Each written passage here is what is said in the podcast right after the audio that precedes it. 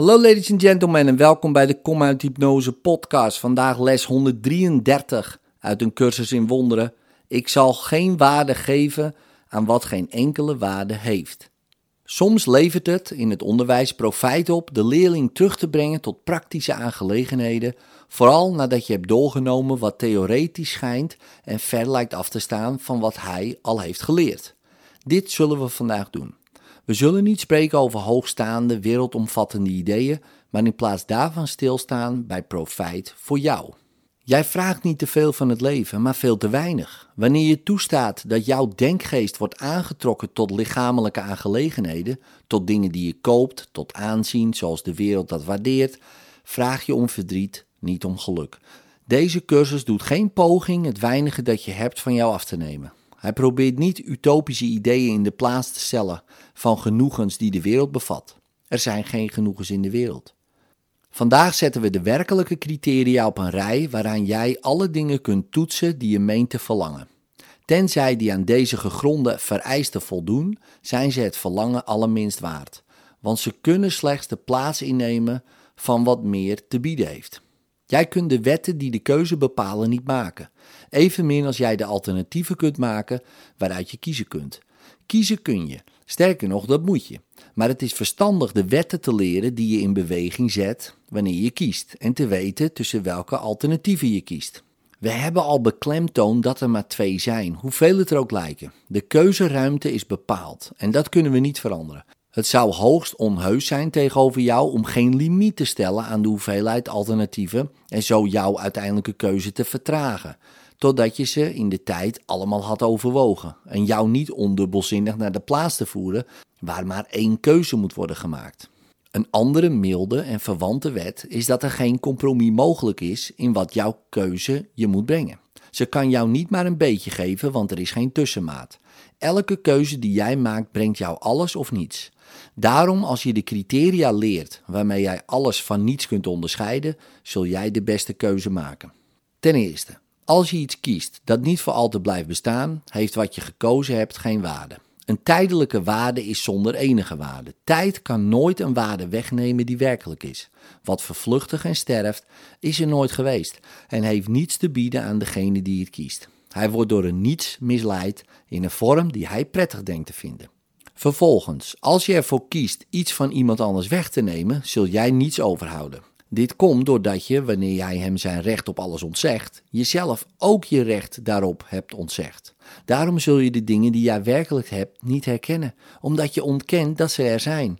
Wie iets probeert weg te nemen is misleid door de illusie dat verlies winst opleveren kan. Maar verlies kan alleen maar verlies opleveren en niets meer dan dat. Op je volgende overweging zijn alle anderen gebaseerd. Waarom heeft de keuze die jij maakt waarde voor jou? Waardoor wordt jouw denkgeest ertoe aangetrokken? Welk doel dient ze? Hier kun je het makkelijkst van al worden misleid. Want wat het ego wenst, herkent het niet. Het spreekt de waarheid zelfs niet wanneer het die waarneemt. Want het moet het aureool behouden dat het gebruikt om zijn doelen te beschermen tegen vlekken en roest, opdat jij kunt zien hoe onschuldig het is. Maar zijn camouflage is een dun vernisje, dat alleen degene kan misleiden die zich ermee tevreden stellen te worden misleid. Zijn doelen zijn zonneklaar voor ieder die de moeite neemt ernaar te zoeken. Hier wordt de misleiding verdubbeld, want degene die misleid wordt zal niet merken dat hij er eenvoudig niet in is geslaagd iets te winnen. Hij zal geloven dat hij de verborgen doelen van het ego heeft gediend.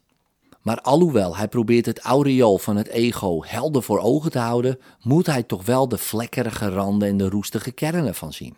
Zijn vergissingen, die geen uitwerking hebben, lijken hem zonde toe, omdat hij de vlekken als iets van hemzelf beschouwt, de roest als een teken van diepe onwaardigheid in hemzelf. Hij die niettemin de doelen van het ego in stand wil houden en zoals de zijne wil dienen, maakt volgens de voorschriften van zijn gids geen vergissingen. Deze leiding onderwijst dat het een dwaling is te geloven dat zonden slechts vergissingen zijn. Want wie zou voor zijn zonde willen lijden als dit zo was? En zo komen we aan het keuzecriterium dat het moeilijkste geloof is, omdat zijn onmiskenbaarheid door vele lagen duisterheid wordt bedekt. Als jij je op een of andere manier schuldig voelt over je keuze, heb je toegestaan dat de doelen van het ego zich tussen de werkelijke alternatieven hebben ingeschoven. En zo besef jij niet dat er maar twee zijn. En het alternatief dat je gekozen denkt hebben, lijkt angstwekkend en veel te gevaarlijk om slechts het niets te zijn dat het feitelijk is. Alle dingen zijn waardevol of waardeloos. Wel of in het geheel niet nastrevenswaard. Volkomen wenselijk of niet de minste moeite waard. Kiezen is juist hierdoor makkelijk. Complexiteit is niets anders dan een rookgordijn dat het uiterst simpele feit verhult dat geen enkele beslissing moeilijk kan zijn. Wat is je winst wanneer je dit leert? Die is veel groter dan jou slechts makkelijk en zonder pijn keuzes te laten maken. De hemel zelf wordt bereikt met lege handen en een open denkgeest, die met niets komt om alles te vinden en er als het zijne aanspraak op te maken. We zullen proberen deze staat vandaag te bereiken, waarbij we zelfmisleiding afleggen en eerlijk bereid zijn alleen daaraan waarde te verlenen wat echt waardevol en werkelijk is. Onze twee langere oefenperioden van 15 minuten elk beginnen als volgt. Ik zal geen waarde geven aan wat geen enkele waarde heeft. Alleen wat waarde heeft zoek ik, want alleen dat wens ik te vinden. En ontvang dan wat iedereen wacht die onbelast de poort van de hemel bereikt, welke bij zijn komst openzwaait. Mocht je jezelf gaan toestaan wat nodeloze lasten te verzamelen of te geloven dat je voor een paar moeilijke beslissingen staat, antwoord dan vlug met deze eenvoudige gedachte. Ik zal geen waarde geven aan wat geen enkele waarde heeft, want mij behoort het waardevolle toe. In liefde, tot morgen.